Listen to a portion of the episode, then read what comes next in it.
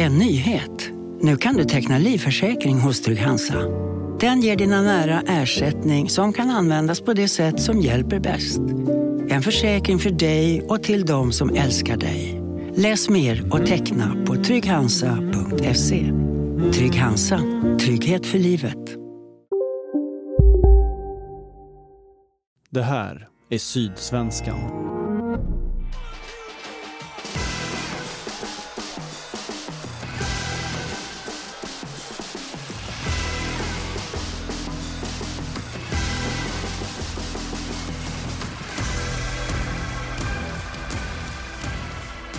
Välkomna tillbaka till MFF-podden. Det här är avsnitt nummer 304. Jag heter Fredrik Hedenskog och jag har sällskap i studion av Fredrik Lindstrand och Max Wiman. Hej, hej! Guten tack! Hallå!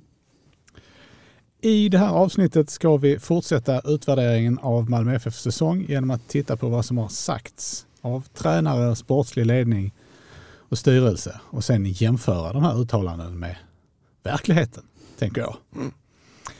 Men först så känns det som att vi behöver prata lite grann om Henrik Rydström.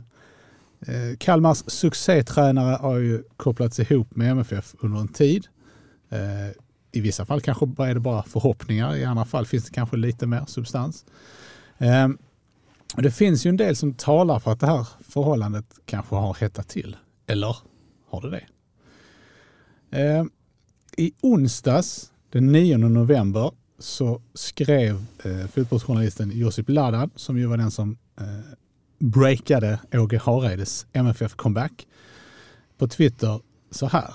Henrik Rydström är detaljer från Malmö FF. De sista förhandlingspunkterna väntas bli klara inom kort och Rydström kan presenteras som MFFs nästa tränare redan nästa vecka. Det skrev han 12.59. 13.27 följde han upp med avslöjar kolon. Henrik Rydström överens med MFF leder måndagsträningen med laget om inget oförutsett inträffar.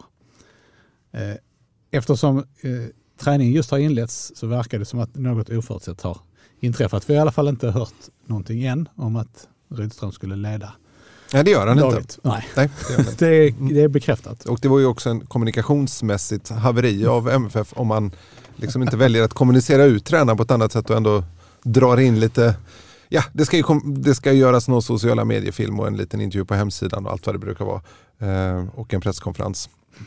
Men det, det tillfället missar man nog inte, den uppmärksamheten missar man nog inte. Genom att bara liksom lite sådär smyga, smyga in honom på en träning. Nej. Vi backar tillbaka till onsdag igen. Eh, för ungefär samtidigt så skrev Fotbollskanalen en artikel med följande rubrik. Avslöjar kolon. Rydström närmar sig Malmö FF. Eh, och en naturlig följd av detta blev ju att en väldig massa medier sökte Rydström för en kommentar. Eh, och han bemödade sig ju faktiskt att svara förvånansvärt många per sms. Till Sydsvenskan skrev han Nej, MFF och jag har ingen överenskommelse. Vi har inte någon förhandling. Så nej, ingen träning på måndag. Till Fotbollskanalen och Barometern skrev han Flera klubbar har hört av sig i höst, men jag har valt att vänta med allt till efter säsongen. Jag är inte versalt överens med MFF. Också versalt. Och till Barometern skojade han väl också att han skulle leda träningen, men det var Kalmars träning. Precis. Jag kommer i och för sig leda måndagsträningen, men i Kalmar. Till Sportbladet skrev han, jag har ingen förhandling med MFF och föreningarna har inte heller någon förhandling, så de uppgifterna stämmer inte. På lördagen intervjuades Rydström av P4 Kalmar och fick bland annat frågan om han tränar Kalmar FF nästa år. Då är svaret så här. Jag har ju kontrakt nästa år och jag har inga konkreta erbjudanden att fundera på, så svaret är ja. Men sen kan jag säga att det kan hända, det kan vända snabbt åt annat håll. Min kontraktssituation är det jag förhåller mig till. Så, mina herrar, mm. var, var befinner sig hela den här historien nu? Vad har Rydström dementerat och vad har han inte dementerat? Ja, det enda jag inte vet är om, om han faktiskt ledde Kalmars eh, måndagsträning. Det har, jag inte, har jag inte kollat innan vi gick in här. Det är möjligt att de inte ens har hållit den än. Eh, så det vet vi ju inte. Eh, jag, jag, tror, om jag bara får, får gissa, liksom, så, så tycker jag det mesta pekar på att han, att han kommer träna Malmö FF nästa år. Ja. Alltså det som, det som får en att fundera det är hans trots allt kraftfulla sätt att dementera. Det som du själv nämner Fredrik, att han bemödar sig att kontakta folk runt omkring Eh, det kan ju finnas ett förhandlingsspel i detta också. Det kan ju vara så att han inte är eh, överens med att lösas från Kalmar till exempel. Eh, det är en variant. Men egentligen så är det så att vi vet ingenting och det är ju också lite sociala mediers, vad ska vi säga, Ja, det är det vi, vi får dras med när vi har sociala medier på det sättet. Att det är väldigt lätt att slänga ur sig saker och påstå att, att allting är klart. Och det blir naturligtvis en större grad av trovärdighet när Josip Ladan då eh, hade rätt i fallet Ove Haride. Sen ska man ju komma ihåg, vilket är lite ovanligt att betona i de här sammanhangen, att han är ju inte bara fotbollsjournalist, han medverkar på nu, han är stor MFF-supporter, alltså verkligen supporter. Eh, så att han har kanske en annan typ av ingångar där, det vet jag inte. Men, men det, it ain't over. Man dock, vad man dock vet är ju att eh, Rydström eh, uttryckte sig inte helt väsensskilt eh, när han lämnade Sirius och skrev på eh, för Kalmar eh, efter säsongen 2020. Så var det också sådär, inget, det är klart det finns ingen överenskommelse. Och, så. och det finns det kanske inte förrän det finns en. Nej, och det, det, är ju det som är säga, hela nyckeln i, i sådana här sammanhang. Att man måste verkligen läsa varje ord och mm. se vad det är. Vad är det som har skrivits och vad är responsen? Nej, det, det, det, det, är komplicerat och det finns ju ett spel bakom naturligtvis. Och jag tror väl som Fredrik sa att det är väl, det är väl mycket i det här eftersom det har varit cirkulerat så mycket runt Rydström och när till och med Pontus Jansson går in och kräver att han ska träna laget så, så det är klart att det, det är ingen rök utan eld här. Det, det, sen kan man ju fundera kring varför inte MFF i så fall har det här klart redan innan. Vad, vad det är man Alltså det här borde man ju kunnat gjort upp i så fall och presentera dagen efter Kalmar hade spelat sin sista match. Kan man tycka. Men, eh. Ja, det är alltid svårt att veta det. Eh, Rydström kan ju varit också att han verkligen inte har velat prata under hösten när de har varit, jagat den där sista Europaplatsen och så vidare. Han har ju en, en dotter då som ska ta studenten i, eh, i vår. Och det, det, är väl också hon som har gjort att han har valt att hålla sig i Kalmar just. Trots att det har ju funnits anbud efter förra säsongen också. Eh, bland annat, eh, jag vet inte om MFF har gett något anbud men har, han har ju ändå funnits på den där listan eh, som, som verkar stundtals har verkat oändligt eh, många namn på den där. Men där har han varit ett. Och det är ju inte så konstigt om man ser till svenska tränare i den åldern som står för den typen av taktiska och eh, filosofiska värden som han gör så, så är han ju såklart attraktiv för en klubb som Malmö FF. Det går inte att komma ifrån. Sen noterade jag, läste någonstans nu här en, en intervju med, kring Sebastian Anassi med Rydström där det visar sig att han har jobbat väldigt mycket taktiskt med, med honom. Eh, alltså i lektionssal. Och det där fick mig lite intresserad för jag, jag, jag gillar inte för mycket teori naturligtvis men samtidigt ska du ha teori så ska du kanske ha det riktigt riktigt så att säga. Va? Så att det är, kanske en, kan vara en ny dimension till i så fall om det nu blir aktuellt. Och att man ser hur han har utvecklat Nanasi under hösten. Mm. Ja, det var Fotboll Skåne som gjorde den. Det var på Skåne, det, ja. ja. Det, det som jag, jag, reagerade på, det var en intressant intervju. Jag, jag reagerade på det, bland det som stod först där var att Malmö FF hade hört av sig till Kalmar om att få Nanasi utlånad. Och om man vill liksom bli lite konspiratorisk där och så, så är det för att de ska drilla in Nanasi i eh, Rydströms eh, taktik just för att år, ett halvår senare liksom återförenas i, i Malmö FF. Då. Men då får man gå långt. Det kan också vara att Malmö FF ville ha, ha honom i en klubb på övre halvan som spelar på gräs. Och då finns det inte så många andra att, att välja på.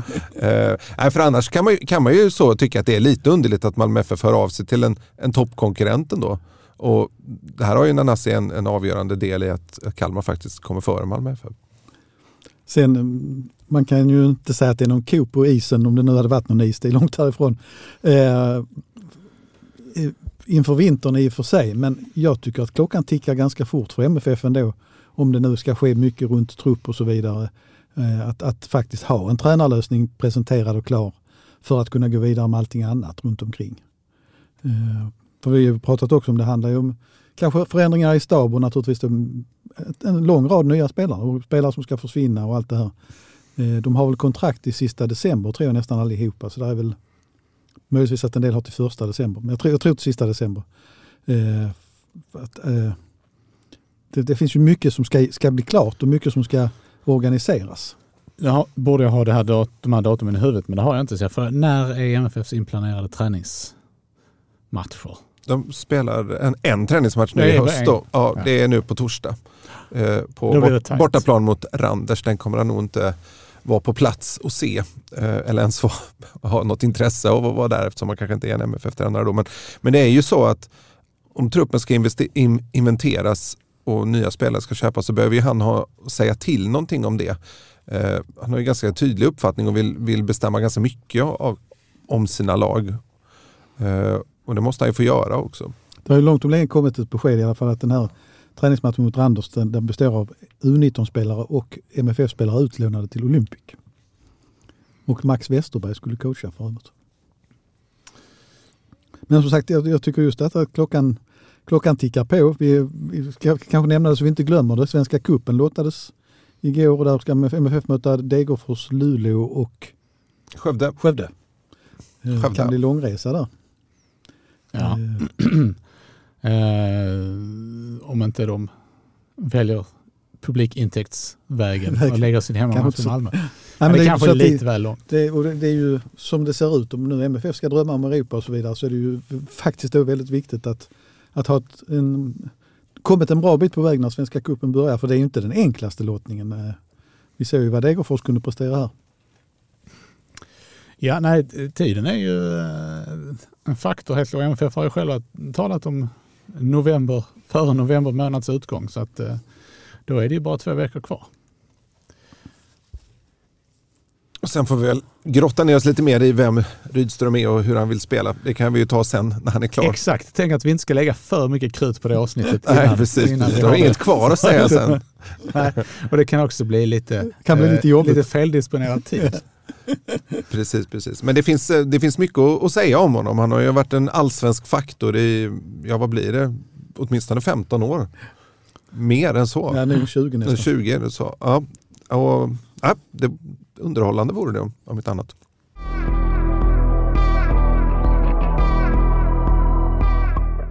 Då så. Eh, nu ska vi skärskåda vad MFF-ledningen har sagt under året. Alla citat, hela Alla citat, ja. Eh, För ordningens skull så gör vi detta kronologiskt och vi kastar oss rakt in i detta fascinerande ämne genom att förflytta oss till presskonferensen då Milos Milojevic presenterades som MFF-tränare den 7 januari. Eh, då sa Andreas, sportchef Andreas Eriksson så här, jag citerar då från Sydsvenskan. Vi tycker oss ha hittat en person som rimmar väldigt väl med det här svårlästa som sitter i väggarna. En mental vilja att stå längst fram när det blåser och leda MFF till titlar. En tränare med höga ambitioner och höga kravställningar. Kommentar kring detta? Jag, jag, jag var en av de som var osäker på Milos från början och det var ju bara på ren känsla så att säga. Min, mina intryck, och de håller jag nog fast vid hur mycket jag har tänkt på det senare, så, så av, det, av honom från början var ju att det inte kändes som det var just det där MFF i väggarna tänk. Alltså, det, var inte, det var inte så att han omslöt sig med klubben. Han talade om att han hade följt MFF och att han hade hållit på MFF i många år. Men jag fick liksom inte den där känslan som, som gjorde att, eh, att, att, att just den biten stämde in riktigt. Men, eh, och jag tyckte inte att det växte under året. Men däremot att han sen eh, hade en hög kravställning och så vidare. Det, det stämde säkert med, med verkligheten. Jag upplevde inte att, att Milos hade några problem att, att stå längst fram när det blåste. Jag tyckte han var ganska rakryggad hela vägen in och hade inga problem att svara på tuffa frågor eh, och så vidare. Så ur ur denna synvinkeln så var det väl, tyckte jag väl, det, det kändes ganska rätt egentligen. Ska man eh, liksom det här uttalandet från, från Georgsson, kan man eh, använda det någonting eh, i förhållande till det som hände sen eh, under sommaren när Milos fick sparken? Eller vi ska återkomma till sådana resonemang lite sen, med- till ett Vi kanske ska komma citat. tillbaka till det. Vi får tänka lite på den. Ja. Ja, men jag tyckte med, med Milos, just det som Max sa, att han kanske inte kändes, hade, att Max inte hade den känslan kring Milos. Det var, det var lite det som jag tilltalades av i den rekryteringen, för jag tyckte den var någonting annat än vad de hade gått efter på tränarsidan innan och att det kanske var precis det som behövdes också. Om man nu skulle bygga någonting på lång sikt. Få en tränare som kunde tänka sig vara kvar lite längre. Eh, som inte hade hunnit lika långt i sin, in, sin karriär då som stod för någonting som andades liksom långsiktigt överlag. Så det, den känslan fick jag kring Milos. Men det, det verkade, det, för mig var snarare frågetecknet då hur länge MFF skulle vilja liksom ha ett långsiktigt tänk och inte fastna i det här att man måste vinna just precis i år. Ja, det svaret fick du ju. Det, det fick vi med besked. Flera gånger om faktiskt. Ja. Eh, vi går vidare. Milos Miljevic till Sydsvenskan den 14 januari. Vi ska bli det mest vältränade laget i Skandinavien och inte bara i Sverige.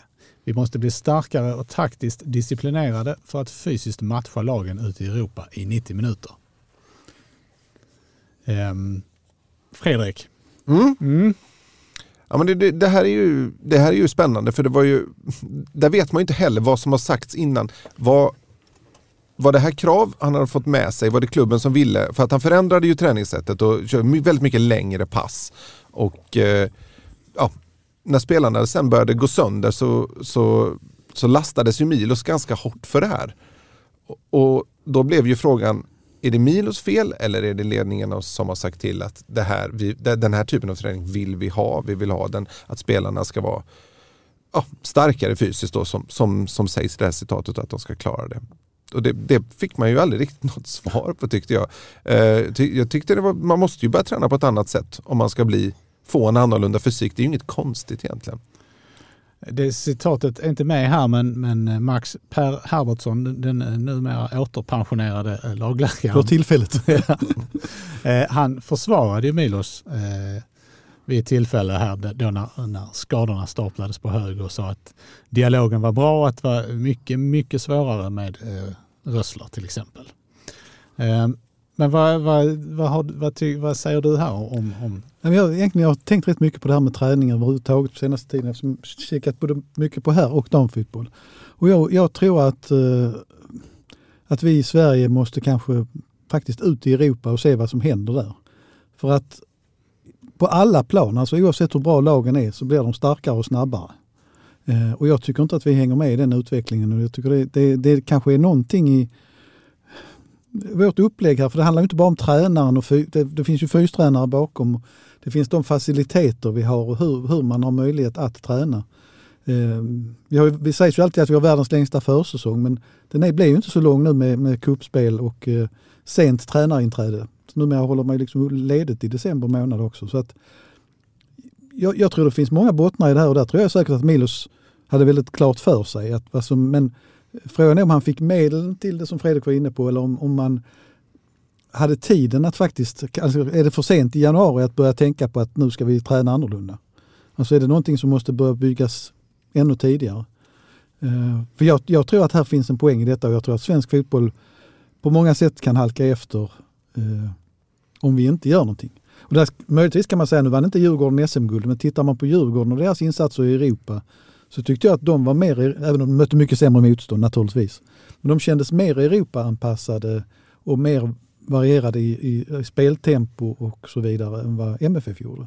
Och där är ju möjligtvis då motsatsen, om man pratar om, om Milos MFF, för det var ju att det blev långsamt och omständligt väldigt mycket. Väldigt mycket passningar fram och tillbaka och inte den här farten.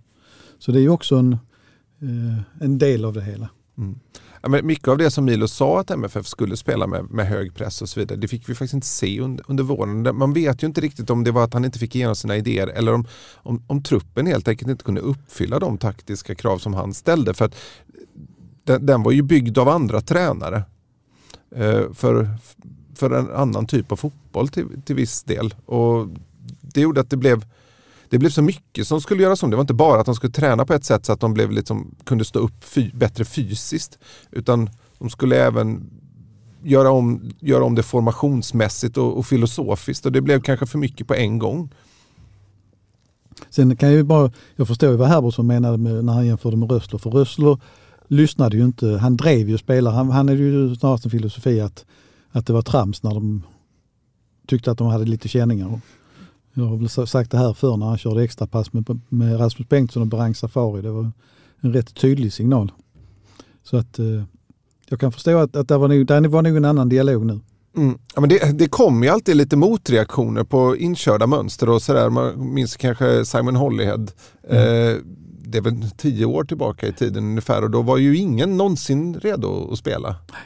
Eh, ja, men, ja, men det, det är liksom, man, man, får, man, måste hitta en, en tränare får, ska ju också agera motvikt till, eh, till fysteamet ibland. Det måste göra det för alltså, de, de, ibland så har de ju lite olika agendor, även om de aldrig skulle erkänna det själva. Liksom. Vi har ju pratat om Simon tidigare, just att han, han, han förändrades ju till att han tyckte var, han var huvudtränare till slut. Det var ju någon sorts krock, absolut, som du är inne på i, i det hela. Men det är det jag menar också nu när man pratar om att MFF har ganska ont om tid på sig. Alltså, det är ju inte bara att sätta in en tränare utan har du kvar samma fysteam så måste du ändå hitta någon sorts jämkande eh, liksom att det ska fungera för alla parter. Eh, och ska man byta ut ännu fler i staben så det, blir det ju ännu mer hänsyn att ta, ta till. Sen är ju det en, en, en, stor fråga och nästan ett ämne för en, en podd i sig. Det här med hur svenska lag tränar. Det har ju, varit en, det har ju lyfts, Dejan Kulusevski lyfte det på en presskonferens med landslaget för inte så länge sedan. Och att, att, Sverige måste bli bättre på att få fram talanger. Det är ju att jämföra med Danmark som har varit eh, alldeles förträffliga på det och, och liksom ska gå in i en VM-turnering här eh, som, i nästa vecka och, och faktiskt på riktigt jaga guld. Vi tar eh, ytterligare ett eh, citat från eh, Milos Milojevic. Nu är vi framme den 22 maj efter tre raka förluster i allsvenskan. Nu måste vi jobba med grunderna, gå i duell, ta närkamper och huvudspel. Vi gör inte det på det centrala mittfältet idag och då måste jag vara kritisk mot mig själv. Kunde jag valt någon annan spelare? Eh, och där tänker jag kanske inte att eh, vi ska prata om det han säger specifikt om spelare, men, men eh, hela den här eh, att det liksom är någon sorts bristande fysisk insats. Eh, jag, jag tittar på dig nu Max, för det var ju ändå liksom den eh, energinivån var ju länge din huvudsakliga invändning. Um, jag tänker så här, det, det, det är inte bara fysiskt det han pratar om egentligen utan det är ju mentalt också. För vad han säger egentligen är in och kriga ju. Eh, och att det fanns någonting i inställningen som gjorde att inte det, det, kan vi prata oändliga om och det är så lätt att börja prata om det här med hjärta och eh, alltså, när det börjar gå snett. Hur mycket slåss du för just den klubben där du spelar nu?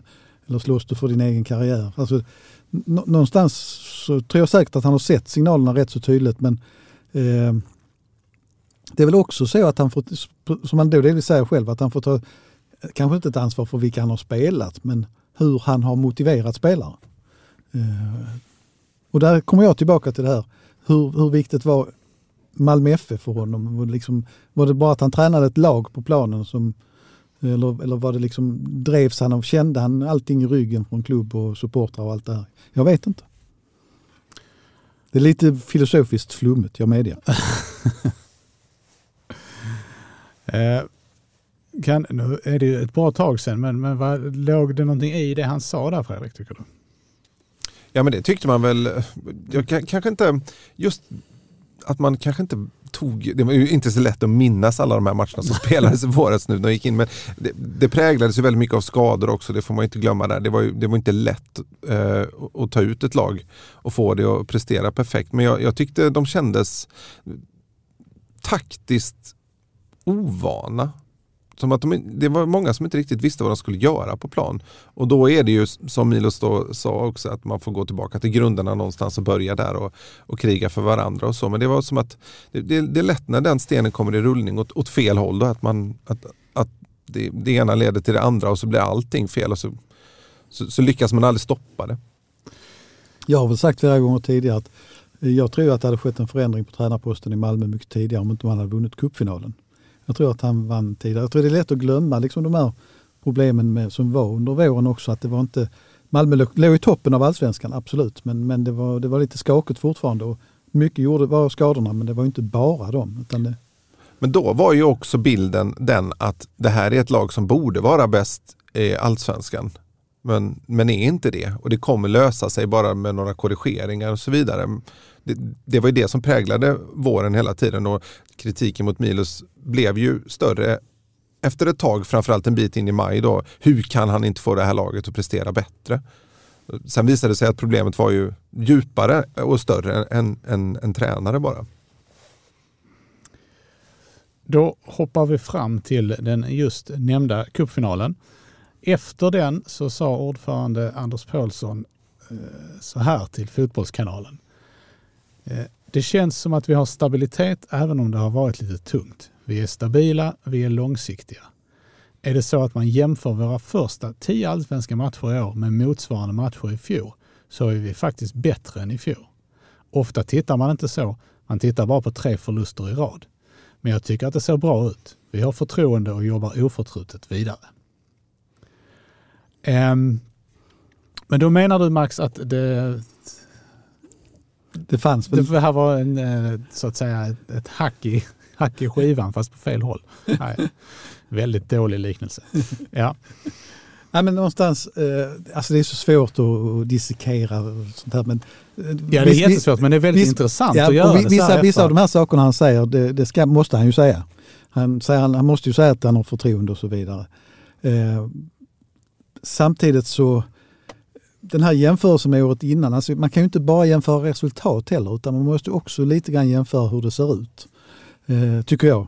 Eh, och eh, på något sätt så, så, tyckte jag det fanns en spiral neråt från det att det såg så väldigt bra ut i kuppen väldigt tidigt i förra våren. Att, att liksom det fanns en, en nedåtgående trend. att det, det, Man kunde andas att det kunde gå åt, mer åt skogen eh, liksom efterhand. Eh, sen att resultaten kanske ändå var, var helt okej. Okay.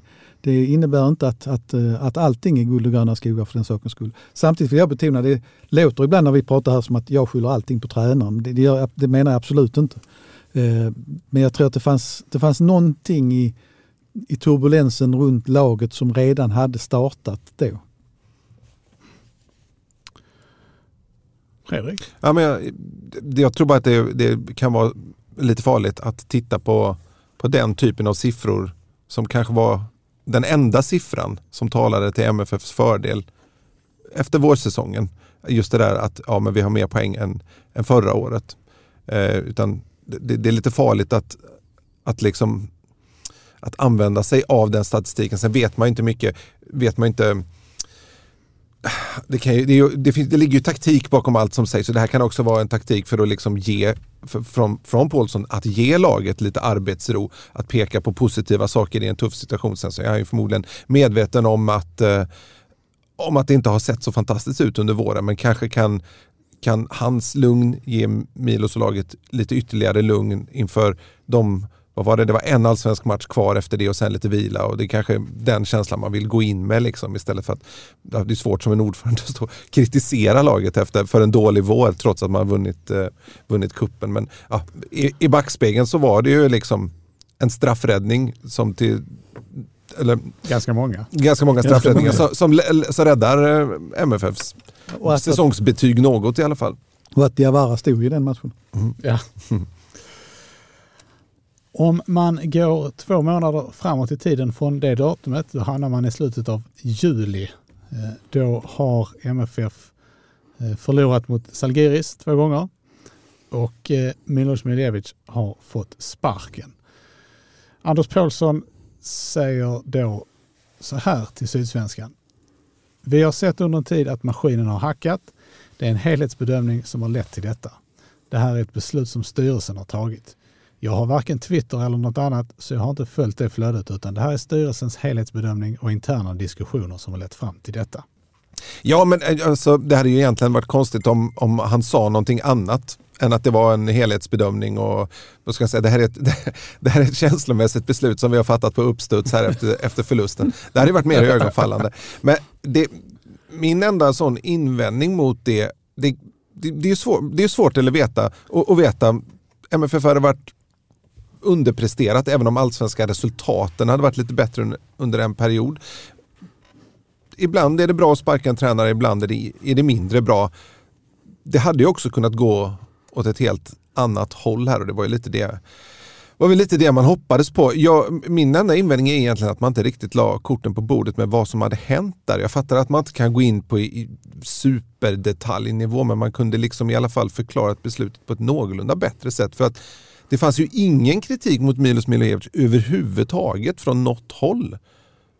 Det, det, var liksom inte så. Hade han tappat omklädningsrummet? Det, det skrevs någon artikel om det men det var ju dementerat så ganska kraftigt av spelarna. Nej, tvärtom verkar de, de flesta tyckt bra om honom och det har ju också sipprat fram sen. Ola, Ola Toivonen i, i podden här till exempel. Uh, och Georgsson hade positiva saker att säga om honom och, och Paulsson överlag också bra saker att säga om Milojevic. Jag, jag har liksom inte hittat något, vad var det taktiskt som var fel? Okej, resultaten var inte så bra. Uh, men men de skulle också vara långsiktiga. Det blir mycket sån här, det, och det har fortfarande inte riktigt kommit fram vad det var som var fel. Helt bedrövlig kan han ju inte varit för att han gör ju goda resultat med Röda Stjärnan i, i serbiska ligan. De toppar ju överlägset där. Eh, ja, Max. Du sa som du ville säga något. Ja, mina tankar de spretar på flera olika punkter här egentligen. Liksom citaten. lite så. Nej, men jag tänker först så är det väl lite intressant att Paulsson uttrycker det så att det, det hade funnits en tendens ett tag. Eh, alltså det är två månader mellan allting i gröna, guld och gröna skogar och detta citatet. Eh, det är inte en evighet i det här sammanhanget. Alltså det har gått ganska, det måste ha funnits mer tvivel tidigare, alltså någonstans tror jag. Gissar jag. Mm. Eh, sen vad det gäller, jag om vi nu ska prata om en utlösande punkt så tror jag att Salgiris-matcherna blev verkligen det. För det var två katastrofalt uselt bedrövliga insatser som dessutom hade föregåtts av nästan lika dåliga insatser mot lag från, som jag nästan har glömt, Luxemburg och Island. Alltså det, det var inte prestationer värdiga MFF eh, eh, försvarsmässigt framförallt. Där man, vad blev det, 5-4 mot islänningarna totalt eller något mm. sånt där. Alltså, så att jag tror att det blev lite panik över Europasituationen. Att man såg att man från att ha haft ett jätteläge, eh, nästan gräddfil in i, i eh, någon av de europeiska kupperna gruppspel, till att, att det här kan gå helt åt skogen. Det, jag började känna så alltså. Men det blev också en, en känsla i klubben av att att man, bör, man har ju lite börjat slå mynt av de här europeiska storslagna kval kvalkvällarna. Det kan man inte sticka under stol med, till exempel när man gör en matchtröja då. Eh, som man till och med döper efter de kvällarna. Och, och, det blev liksom att Ja, det såg inte så bra ut mot islänningarna. Men å andra sidan så har det inte sett bra ut i de första omgångarna 2014 och 2015 mm. heller. Och sen kom andra omgången, ah, men var det så bra tidigare? Och så helt plötsligt så, så, så inser man det, det kanske det kanske inte går att liksom peka på att det har varit bättre eller liknande som andra säsonger utan man måste faktiskt se till prestationen här och nu och den är inte fullgod om vi ska liksom klara att gå till det här, eh, till det här gruppspelet som, som, ju, som, som MFF nästan inte får missa med tanke på dels att man har fått väldigt bra lotter men också att då man är sidad hela vägen fram. Sen finns det då en annan aspekt på det här som jag faktiskt har tänkt mer på eh, och det är hans, eh, Paulssons hänvisning till Twitter. Och det här är inte specifikt för honom. Det här känns som det här är liksom en, jag vet inte om man kan säga det är en generationsfråga. Det är, det är nog fel, det är snarare en ledarskapsfråga. Eh, Malmö FF jobbar oerhört mycket med sociala medier. Det är jätteviktigt. Det är mycket viktigare än vi gammelmedia. Det är Twitter och det är Facebook och det är Instagram och det är liksom oerhört stort fokus kring detta. Jag tror faktiskt inte att man som ordförande i Malmö FF kan hänvisa till att jag, jag läser inte Twitter längre. Jag läser inte Twitter, man kan inte, man kan inte göra den hänvisningen längre. För har man släppt in den på ena hållet, att sociala medier är viktigt, så kan det vara viktigt att lyssna på supportrar och annan omgivning. Och sen vet, vi vet alla att du måste skala bort en massa, men det blir ett, det blir ett väldigt konstigt och otidsenligt resonemang tycker jag. Eh, som jag inte riktigt får ihop. Och man kan ta ett exempel, det har varit en eh, stark debatt inom supporterleden i Malmö om den här som heter Hemmaklubben nu i höst. Som är alltså Unibets eh, krav på klubbarna att de ska marknadsföra att supportrar ska registrera sig. Eh, där har MFF tigit helt och hållet som klubb. Eh, vi är specialister på det vi gör, precis som du. Därför försäkrar vi på Swedea bara småföretag, som ditt. För oss är små företag alltid större än stora och vår företagsförsäkring anpassar sig helt efter firmans förutsättningar. Gå in på swedea.se företag och jämför själv.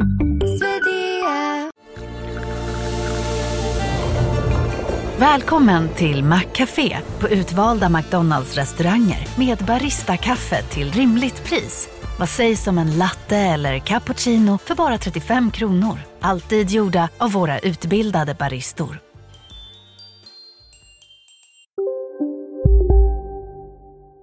Hänvisar väl då till avtalet. Men kan man som ordförande och styrelseledamot i föreningen inte vara medveten om vad det är som sker där? Och måste man inte följa med det här eh, flödet för att se vad som händer framöver? Så att jag, det har ju inte med resultaten att göra, men jag tror faktiskt att det är förlegad syn att bara säga att nej, jag, jag läser inte vad som står där, så jag bryr mig inte om det.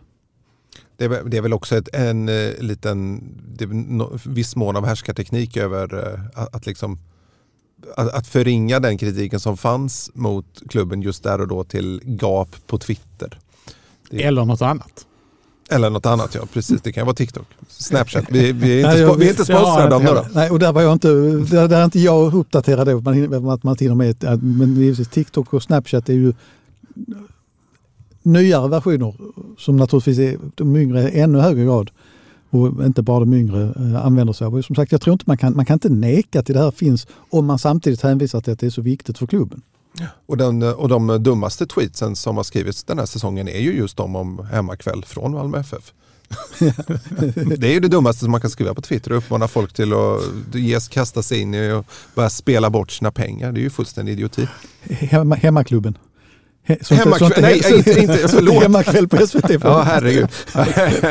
nej, inget, inget ont om, det här, om de här godisprånglarna. Det är mycket bättre att äta godis än att spela bort sina pengar. Förlåt.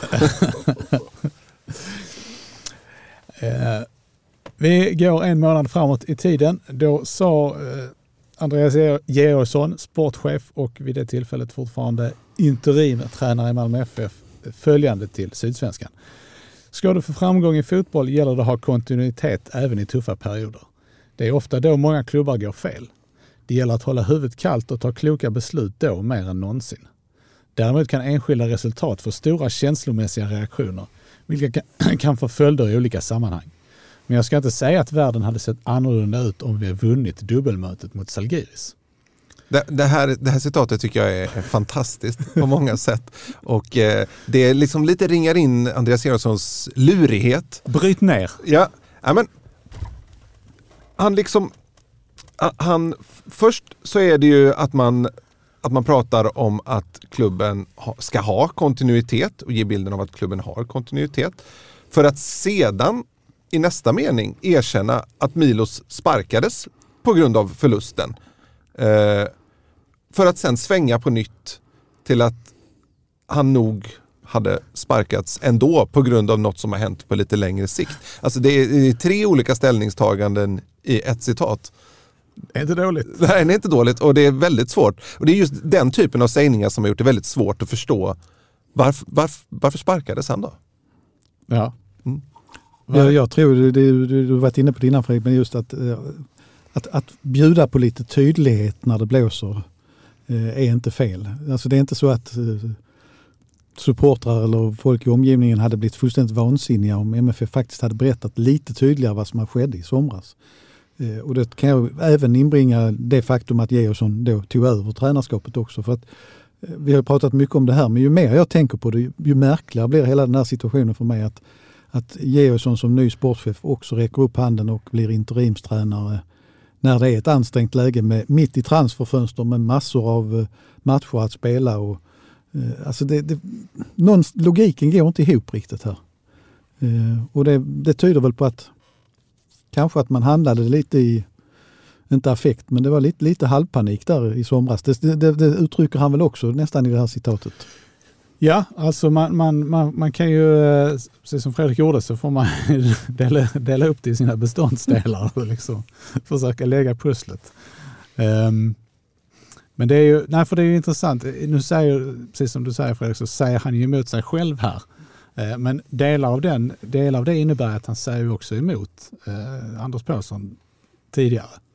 Uh, så det är ju, kan man, är det så att man kan misstänka att, att um, MFF kanske inte riktigt eh, internt själva heller vet exakt vad det var som, som ledde fram till detta. Nej, och vem tar riktigt ansvar för vad som hände där? Alltså man hade velat, man, vi, vi vet alla att det finns en beslutsgång där men liksom hur, hur resonemangen faktiskt gick och vem, vem som ändå drev frågan, det, det kan vara intressant, eller hade varit intressant att veta.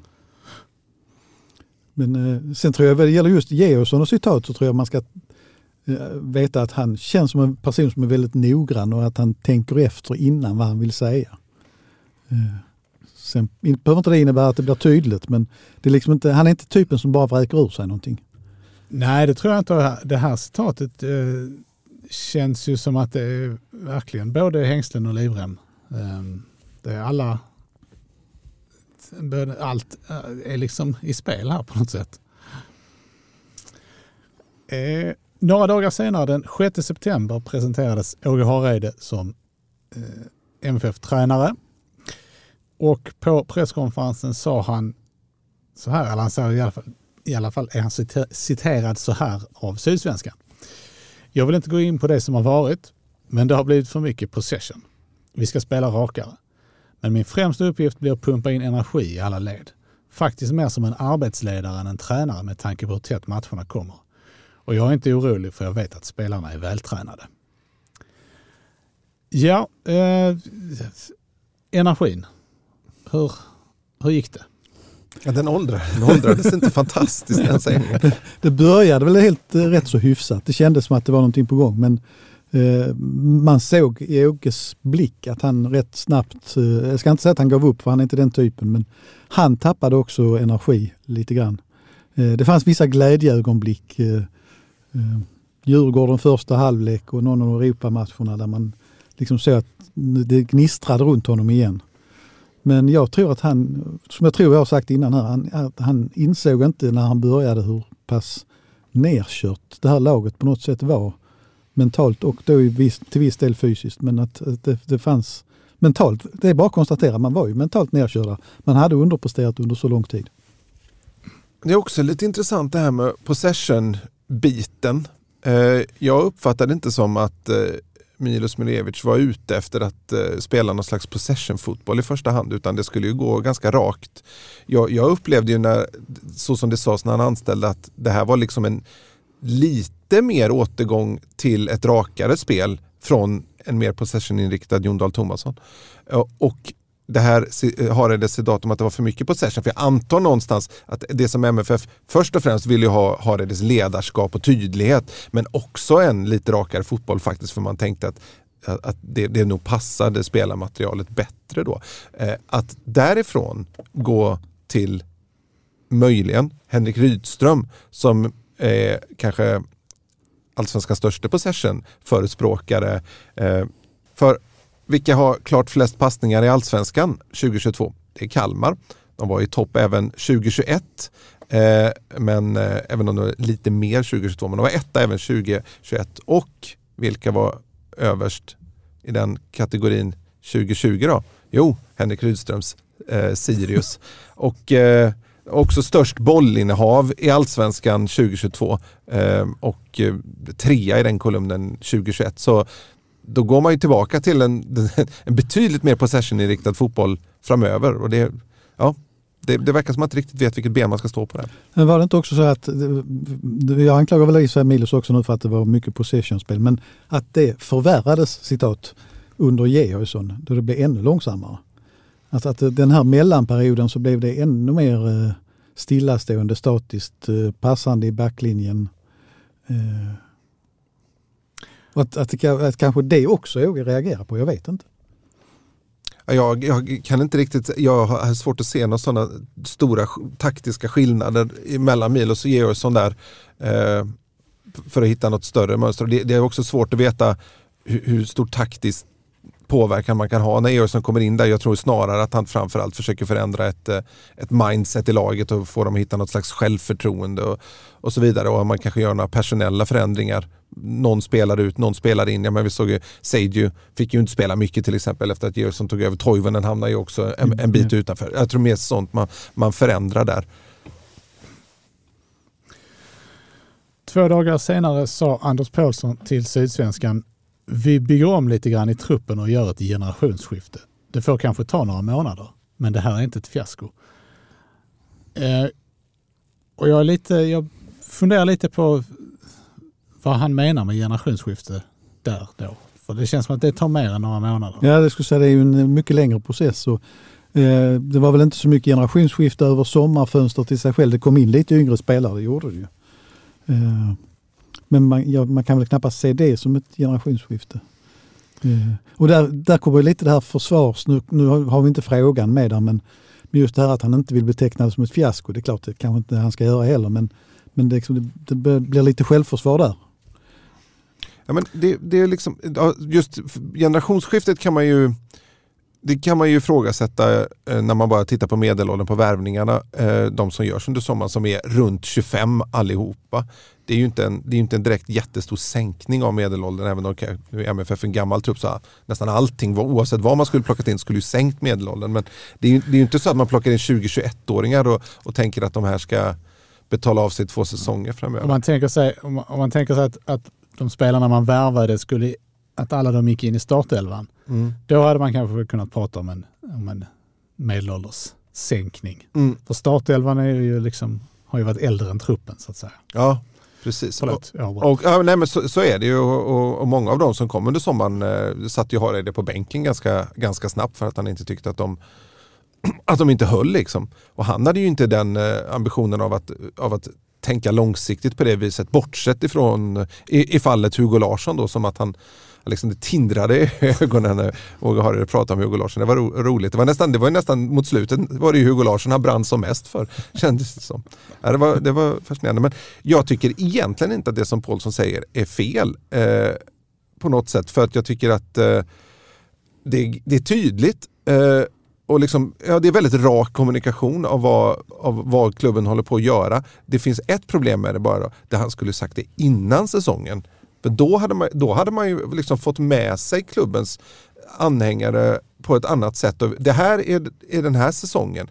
Eh, vi kanske kommer trea i allsvenskan, vi kanske kommer fyra. Vi, och vi, liksom, vi kanske inte når Champions League, vi kanske får ta eh, Conference League. Men för att vi håller på med det här generationsskiftet, det ska ge en ge någonting annat på sikt. Vi ska ta nästa steg och, och det är ju lite som att MFF faktiskt skjutit upp det steget ett tag. Eh, eftersom man har haft då tränare som inte, tänk, inte, inte haft en riktigt så lång horisont då som, som man kanske hade velat ha de senaste åren. Så han har sagt det här i februari så tror jag att säsongen hade tagit en annan riktning och man hade, det hade inte stormat på samma sätt.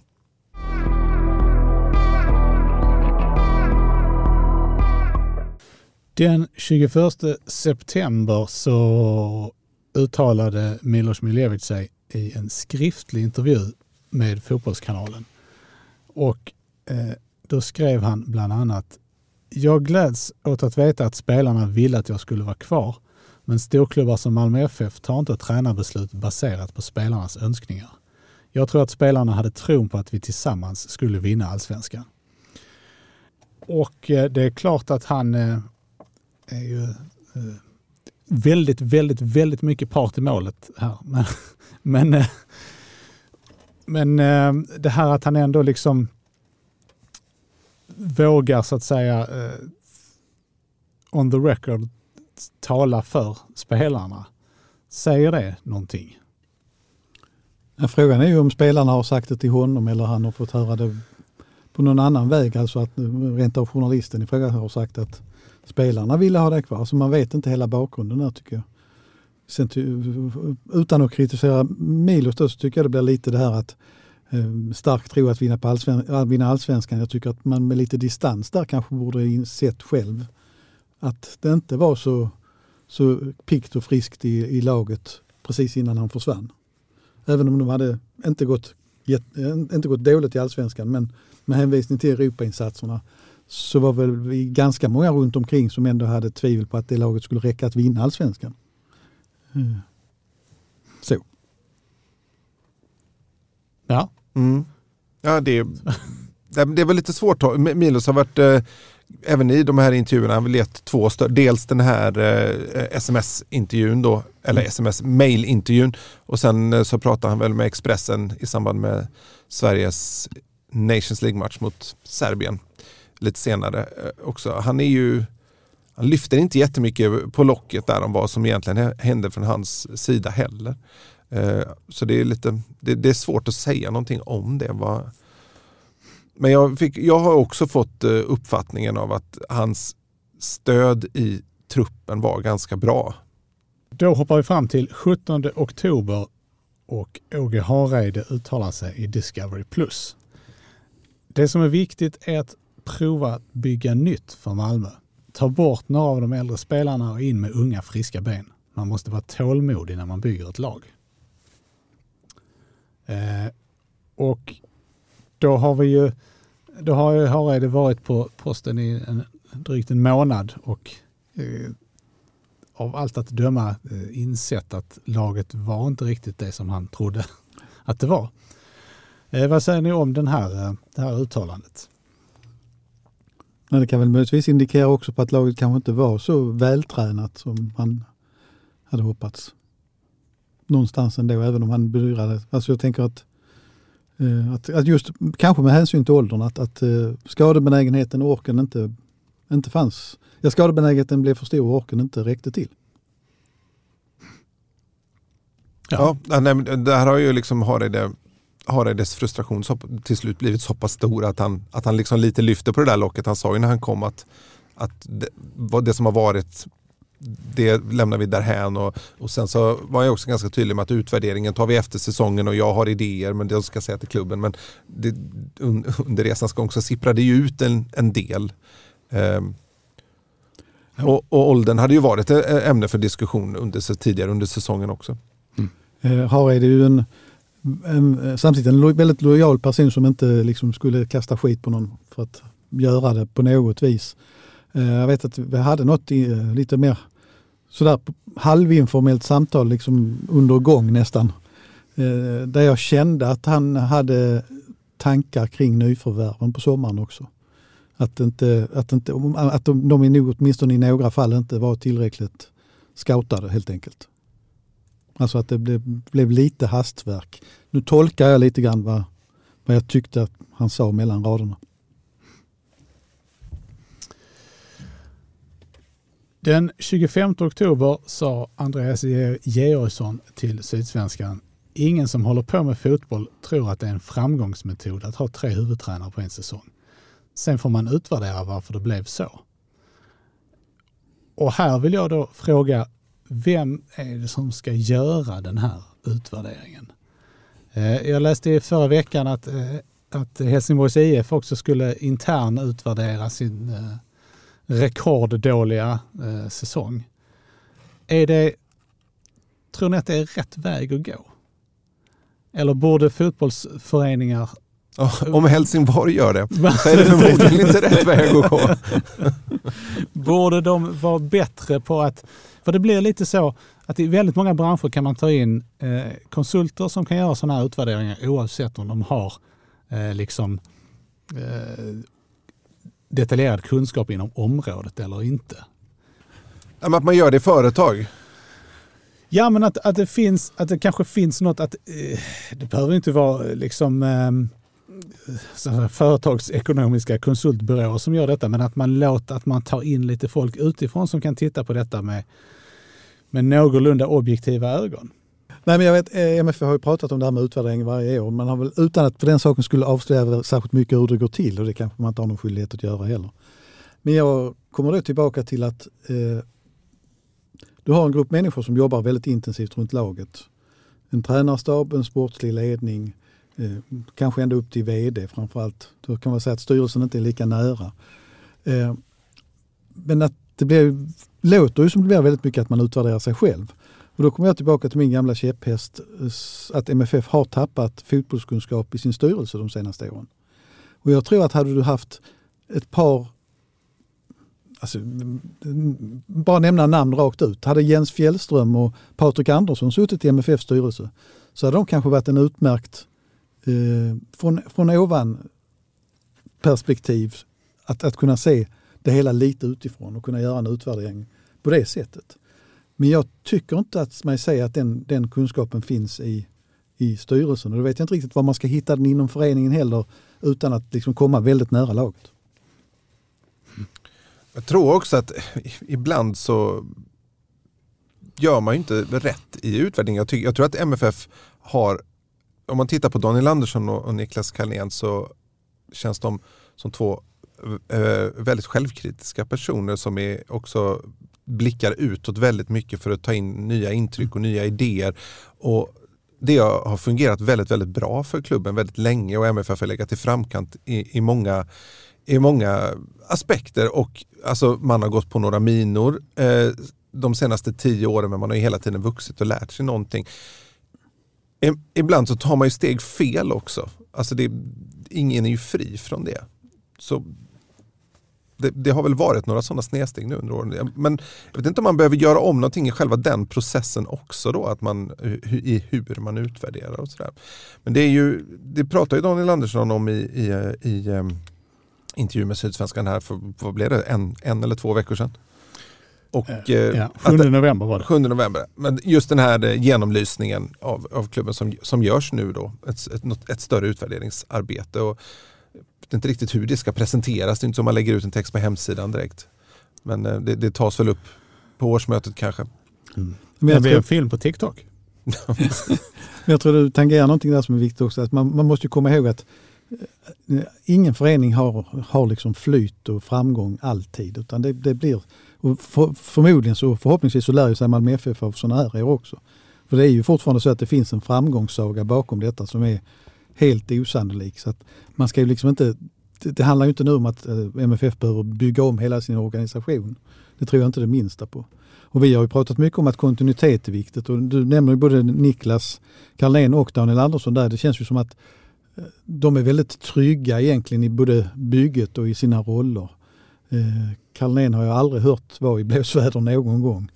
Eh, och Daniel har, vet vi ju liksom hur starka känslor han har för Malmö FF. Så att, eh, det, det, det, där finns ju, det finns ju en grundtrygghet och någonting. Men som Fredrik då också är inne på, man kan ju gå vilse mellan varven och någonstans så känns det ju som att Malmö FF det här året flera gånger har gått vilse. Och det, det, kanske, det är svårare att tackla motgång när man nästan bara har medgång också. Jag tror, jag tror, att i det här utvärderingsarbetet så kommer man nog eh, landa ganska mycket i att man behöver en tydligare rollfördelning. Vem som gör vad. Just, just, och och, och det, det grundar jag, det är ju som sagt väldigt, väldigt svårt att, att, säga utifrån. Man har inte den inblicken och vet inte vem som har gjort vad. Men jag tycker turerna kring som, eh, alla turer i somras och kanske framförallt då hur man uttrycker sig kring varför Milos Milojevic fick gå. Och, om man liksom lite läser mellan raderna så, så går det att tolka på väldigt, väldigt många olika sätt. Och, och, och, det tycker jag kan vara lite talande för att rollfördelningen kanske varit lite otydlig. Vem säger vad? Vem gör vad? Hur kommunicerar vi här? Sen är vi kanske långt ifrån citaten då, men, men det var ju något som passar in på det. Men utöver det som sker kring ledare, så vad det gäller spelartruppen så tror jag man underskattade den mättnad som faktiskt kunde uppstå ändå i en trupp när man har vunnit mycket och haft stora framgångar. Eh, och att det är svårt att återskapa den hungern fullt ut eh, någonstans ändå. För det, det, alla spelare vill alltid vinna, absolut. Men har du vunnit mycket så är du kanske inte lika eh, taggad och hungrig som, som första gången. Ja, det, där, det, det, det, där tycker jag är, är väldigt svårt. Jag tror inte det finns någon... Jag, jag tror att det är just den, den typen den sägningen tror jag stämmer bra för vissa spelare. Ja, Men för and, andra stämmer de inte alls. Jag tror till exempel Berang Safari var inte alls nej, mätt nej, på, nej. på att vinna och sådär. Och, och, och, och vi, vi, gjorde också en längre intervju med Georgsson, det var kanske en månad sedan nu. Eh, där han, det var, vände han sig ganska starkt mot det här att, att det skulle saknas hunger i laget och sådär. Och, och, liksom lite oväntat starkt invändning mot, mot det. Jag, men det är väl också det som att att man måste ner på individnivå när man bygger ett lag också. Man kan inte säga att vi har ett hungrigt lag. Det, det kanske var så att man hade tio individer som var superhungriga och sen några som var ganska glada över att få spela i Malmö FF bara. Nej, men jag, tror, jag tror precis, jag tror du slår ut spiken för mig. Det är alltså helt fel att, att generalisera för mycket. Och du nämnde Barang Safari. Marcus Rosenberg var också en sån spelare. Mm. Och det, men det är de karaktärerna som jag vill se fler av i Malmö FF. Marcus mm. Rosenberg hade ju dessutom inte vunnit speciellt mycket. Nej, det är sant. Men när han väl ändå vann ja. så kom det SM-guld och Europaspel och allting. Liksom den, den, den glöden och där kan man ju prata med, med ett Malmö-hjärta verkligen. Och det behöver det inte innebära att du är född på Kirseberg för att du ska ha det hjärtat. Men, men liksom, det finns andra stadsdelar också. Ja, det finns det. Jag kan inte ta dem alla. uh, nej men att, att, uh, att någonstans du måste ha ett visst antal sådana individer som drivs av någon alldeles extra kraft tror jag för att verkligen, verkligen lyckas. Där ska man inte dra paralleller kanske, men vi pratade om Helsingborg innan. Det känns väl annars som ett sånt lag där man liksom har tappat allt det. Där det bara är en samling spelare mer eller mindre. Det finns liksom ingen, ingen själ i det längre. Och det tror jag kan vara förödande. Vi avslutar det här eh, citatsvepet med den eh, Daniel Andersson-intervju som nämndes här nyss. Ehm, då sa han bland annat vi har inte haft en tillräckligt bra sammansatt trupp. Sen har vi inte riktigt träffat rätt med alla nyförvärv. Och det får man ju ändå eh, beteckna som någon sorts klarspråk. Är, är ni förvånade över det? Jag tror samtidigt att Daniel Andersson är så klok och han vet att det finns så pass mycket fotbollskunskap runt om i Malmö och runt Malmö FF att det, man, kan inte, man kan inte blunda för faktum heller. Så att det är egentligen en rätt starkt ställningstagande han gör genom att uttrycka sig så tycker jag. Ja, men jag tror att det var också det var ju liksom nödvändigt att tala klarspråk med tanke på var MFF hade hamnat och det är också taktiskt bra att öppna upp och, och blotta sig för liksom erkänna att man har lite gjort ett misstag i, i truppbygget. Det är, det är liksom första steget mot att bli bättre är väl liksom att make amends eller vad man ska säga. Det, det, det, det, var, det var, om man får säga liksom rent taktiskt, en väldigt bra intervju. man säger. Men det var ju också så här, vi har gjort misstag, vi ska göra om och sen tolkar jag i alla fall jag det som att det är Andreas Eriksson som bygger den här truppen nu. Ja, han sa ju vidare, jag kan ju läsa det också. Eh, klart jag är med i diskussioner men det är Andreas trupp att bygga. Ofta sker det också i sam samförstånd med en tränare men just nu finns det ingen att ha den dialogen med där man formar det. Mm. Jag tror inte det var en slump att han liksom har det tillägget heller. Att det är, eftersom det är ju en kritik som har kommit mot klubben i år, att, att man inte riktigt vet vem som gör vad. Och... Nej, det, och, men det kanske bara är liksom en ren, eh, säga, en ren titelförvirring. Mm. Alltså det är ju klart att för en betraktare utifrån är det lite svårt att skilja på vad en sportdirektör och en sportchef gör. Yeah. Och det är framförallt tror jag det blir svårt med tanke på den personlighet som Daniel Andersson är. Att det är väldigt svårt att säga att han inte skulle ha påverkan. Men det är möjligt, och han har väl antytt det själv någon gång också, att han, att han har, tycker det är skönt att backat av lite och ser det lite från sidan så att säga. Och det är möjligt att det upplägget har liksom för, för med sig barnsjukdomar eh, som sedan kommer liksom på, sikt, på sikt kanske bli ett alldeles perfekt upplägg, speciellt när eh, damverksamheten kommer bli ännu mer avancerad på en högre nivå. För den är fortfarande på en ganska låg nivå nu. Eh, men när man blir liksom ett, ett elitlag som också kommer sikta mot Europa så blir det ju på ett annat sätt och då kommer det upplägget förmodligen vara mycket bättre. Och tydligare då?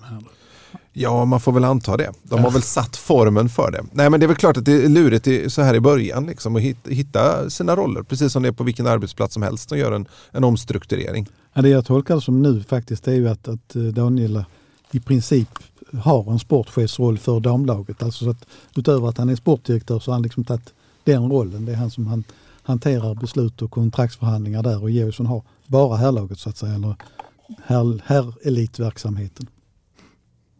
det är väl U19-laget är väl i samma svep. Jag vet inte om... Nej, 17-åringarna går väl i alla fall under eh, Per Ågrens ansvar. Sen är det också bra att det är Daniel Andersson tror jag som gör den intervjun och säger den saken för att det finns ju ingen i ledningen, eh, både den operativa och, och, och styrelseledningen som har en sån pondus som Daniel Andersson har. Han liksom när han talar så är det ju ändå generationer av, av himmelsblått blod som, fly, som liksom följer med ut i de citaten. Det, det, är ju ingen annan som har den pondusen riktigt. Som du målar. Ja, precis. Det var ja, precis. Nej, men ta det ner det direkt. Nej, men jag tror, det, blir, det blir en annan kraft bakom det. Uh, och jag tror att uh, på något sätt köper man sig lite, lite arbetsro där. Det, gör, det är ju en, en, helt annan sak än om liksom en random styrelse med ledamot säger, säger något sånt. Ja, nu har vi tagit oss från 7 eh, januari till 7 november. Då får vi se vad nästa citat, citat blir som är värt att ta upp i det här sammanhanget. Det kan ju bli så att vi får sådana redan i veckan eftersom vi ska träffa en nyckelperson i Malmö FF för en intervju. Spännande spännande. Innan vi eh, avslutar här idag så ska vi bara följa upp eh, det som Max pratade om eh, förra veckan, det vill säga P17, P17-lagets eventuella Europastatus. Och efter SM-finalen mot Hammarby så kan man konstatera att den blev. Det slog in, ja det blev ju en riktig rysare med, där det blev förlängning och MFF hade en boll i ribban i sista förlängningsminuten. Men man visade sig starkare än Hammarby på straffar ännu en gång.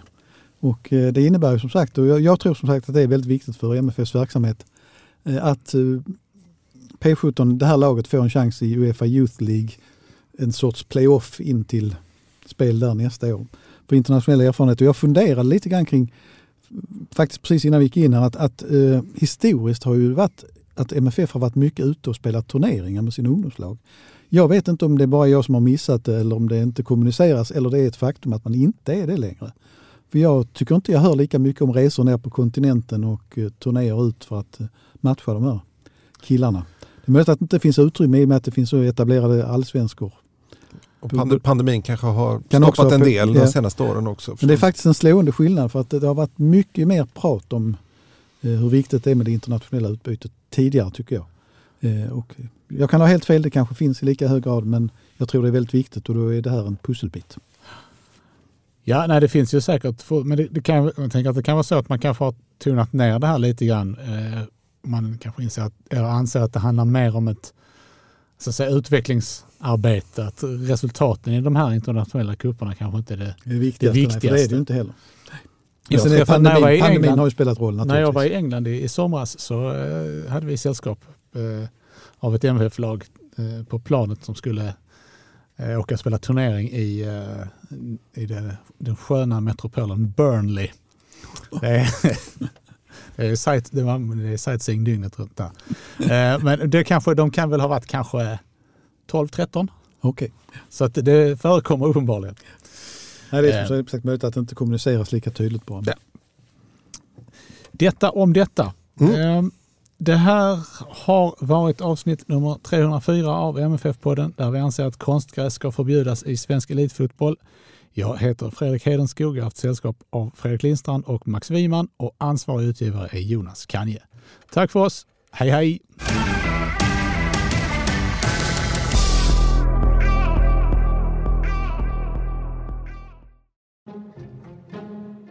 Det är en jättekomplicerad konflikt. Just idag kan man ju förenkla det och säga att det finns, det finns två sidor, två nätverk. Vilka är det egentligen som skjuter i Malmö? På ena sidan ledaren för Satudara Assassins och hans kompisar. På andra sidan något som slarvigt kan kallas för Kroksbäcksgänget. Hur hänger de skånska skolattackerna ihop? De gjorde sådär som barn kan göra. Att man liksom skär ett litet snitt i handen så att det kommer några droppar blod och så blandar man blod med varandra. Det är därför de kallar varandra för blodsbröder.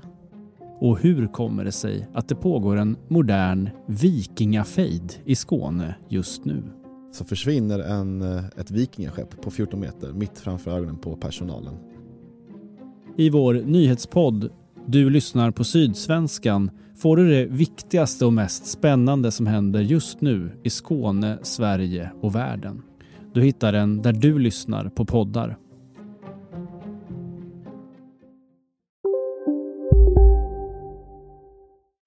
Hej Sverige! Apoteket finns här för dig och alla du tycker om. Nu hittar du extra bra pris på massor av produkter hos oss. Allt för att du ska må bra. Välkommen till oss på Apoteket. Upptäck det vackra ljudet av McCrispy Company för endast 89 kronor. En riktigt krispig upplevelse. För ett ännu godare McDonalds.